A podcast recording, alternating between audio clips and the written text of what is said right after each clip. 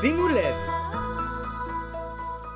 מורותיי ורבותיי, קבלו את רובינזון קרוזו, הספן שנשכח על אי בודד, ובכלל לא היה לו אוטיזם. אני מור די חנני, עורך ומגיש את הפודקאסט סיפורים לילדים בעברית. ואלו כמה דברים שצריך לדעת על הסיפור המקורי של רובינזון קרוזו, מאת דניאל דפו. פרטים שחשוב לדעת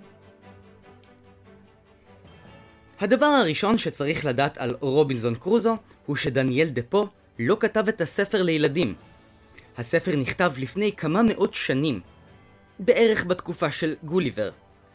דפו כתב סיפור למבוגרים, אבל לפי אחת הסברות, במשך הזמן, ספרנים וספרניות בספריות עירוניות קראו את גב הספר, עליו נכתב כי מדובר בסיפור הרפתקאות על יורד ים שנשאר על אי בודד. נה, נשמע כמו משהו לילדים. במשך הזמן, שכחו את הסיפור המקורי של רובינזון קרוזו, והסיפור נכתב מחדש בכל דור ודור.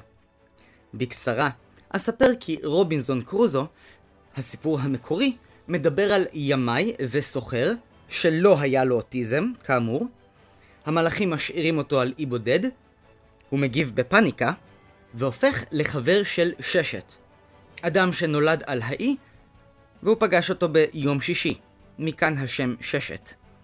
בסופו של דבר, השניים מפליגים ביחד לברזיל, ונשארים שם.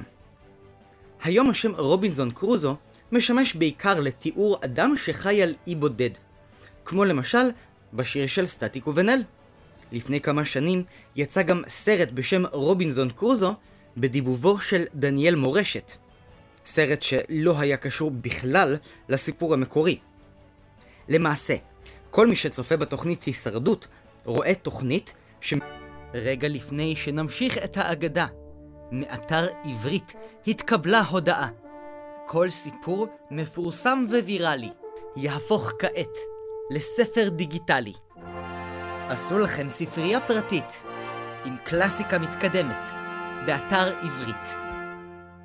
מבוססת על רובינזון קרוזו. אבל, כפי שאמרתי, בינתיים שכחנו את הסיפור המקורי ונוצר דבר חדש. כמו מיץ ענבים, שאין לזה שום קשר לפרי ענבים.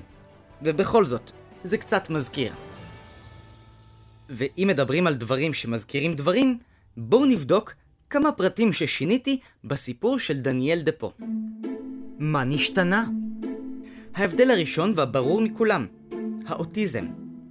ואולי אצטרך להסביר את עצמי, אוטיזם הוא מצב שבו לאדם לפעמים יש תחומי עניין מאוד ספציפיים, מאוד מסוימים. כמוני למשל, שמאוד מתעניין בספרות. אנשים עם אוטיזם נוטים יותר להתרכז בעצמם ולעבוד לבד. ממש כמוני כאן, באולפן שלי. כן, גם לי יש אוטיזם. ולכן חשבתי שהסיפור יהיה יותר מעניין אם רובינזון קרוזו יהיה אוטיסט כמוני. כך למשל, רובינזון קרוזו מתעניין באדם הקדמון, וכשנטשו אותו על האי, הוא שמח. הרי ניתנה לו הזדמנות להשתמש בידע שלו, על אותם כלים ישנים, קופיץ, שרתוק, מכבת. זו הסיבה שבגללה, בסיפור שלי, רובינזון קרוזו רוצה להישאר על האי, ולכן הוא משאיר את חמשוש בברזיל. ואני לא אשאיר את הקהל במתח, ואגלה סוד מאחורי הקלעים. סודות מאחורי הקלעים. בפרק אני לא נשמע כמוני. זאת מכיוון ששיניתי את הגובה של הצליל כדי שיישמע עמוק יותר. זו הפעם הראשונה שסיפרתי סיפור שלם וארוך בתור דמות. הרגשתי שיהיה לי יותר נוח אם בהזדמנות הזו אשמע קצת אחר.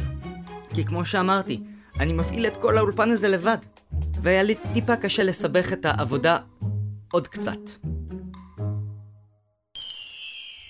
באילו עוד סיפורים משתמשים בגוף ראשון? ואם כבר שאלות שכדאי לשאול את עצמנו, האם זה בסדר מצד רובינזון קרוזו להשאיר את חמשוש בברזיל ולברוח חזרה לאי? מה חמשוש הרגיש כאשר רובינזון קרוזו חקר את הכפר שלו וחיטט למשפחות שנטשו בחפצים? ואיזה חבר או חברה תיקחו לאי בודד. עד כאן להפעם. אני מורדאי חנני. אבקש רק דירוג של חמישה כוכבים בספוטיפיי, ונתראה גם בפרק הבא.